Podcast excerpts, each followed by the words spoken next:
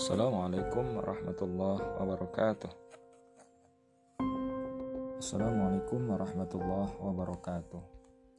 Nasiruddin Khoja sedang berjalan-jalan di pasar. Matanya tertuju pada kerumunan orang, sehingga hatinya tertarik untuk menghampirinya. Ya akhirnya ikut bergabung dan mereka ternyata hanyalah kerumunan orang-orang yang sedang melihat obrolan dagangan seseorang.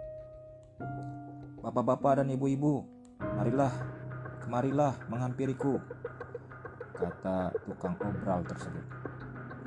Kala itu ia sedang melelang sebuah pedang. Benda itu begitu indah. Tentu saja harganya pun sangat mahal. Pedang ditawarkan 50 keping emas alias 50 dinar. Uang satu dinar memang berupa satu koin emas sedangkan satu dirham berwujud sekeping perak. Bagaimana mungkin sepotong baja dihargai dengan lima keping emas? Tanya Nasiruddin memotong teriakan sang juru obral itu. Mendengar celutukan Nasiruddin yang tidak memiliki cita rasa seni, kontan si penjual langsung membual tak terperi. Hei, ketahuilah, hai orang ajaib, kata tukang obral kepada Nasiruddin yang memang berpenampilan aneh. Ini pedang bukan sembarangan. Ini pedang super ajaib. Memiliki kelebihan segudang. Ia bisa memendekkan dan memanjangkan. Di medan perang ia bisa memanjang, bahkan langsung dapat membabat musuh di hadapan. Mendengar bualan ini, Nasiruddin langsung meloyor pergi. Namun tak berapa lama ia nongol lagi sambil menenteng tang, sebuah alat patukangan di tangan kirinya. Tolong jualkan benda ini, kata Nasiruddin tanpa basa-basi. Dan catat, harganya 100 keping emas ya, lanjutnya. Waduh, mana mungkin tang begini berharga 100 dinar?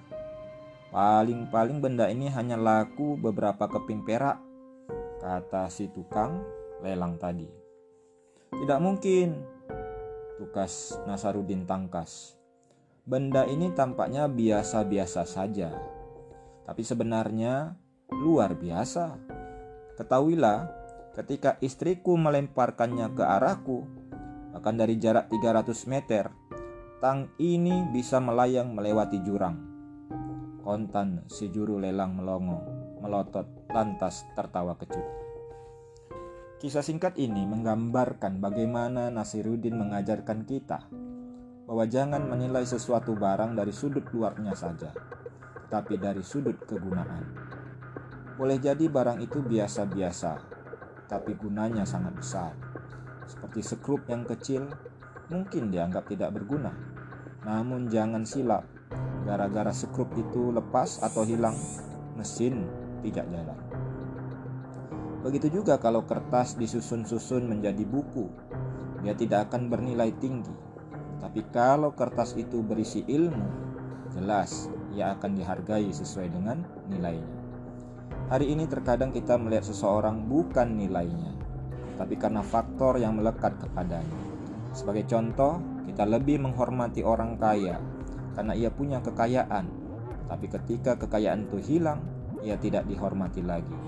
Berbeda dengan orang yang berilmu, terkadang kekayaan yang ada padanya bisa hilang karena musibah, tapi ia tetap dihormati karena orang menghormati bukan karena harta yang melekat padanya, tapi karena ilmu yang ada dalam dirinya. Jadi, harga tergantung kepada nilai barang itu. Jangan sampai nilai diri kita jatuh tanpa ada harga Apalagi kalau nanti kita berhadapan dengan Allah di akhirat, akan rugilah kita kalau kita tidak punya harga. Wallahu alam bisawab.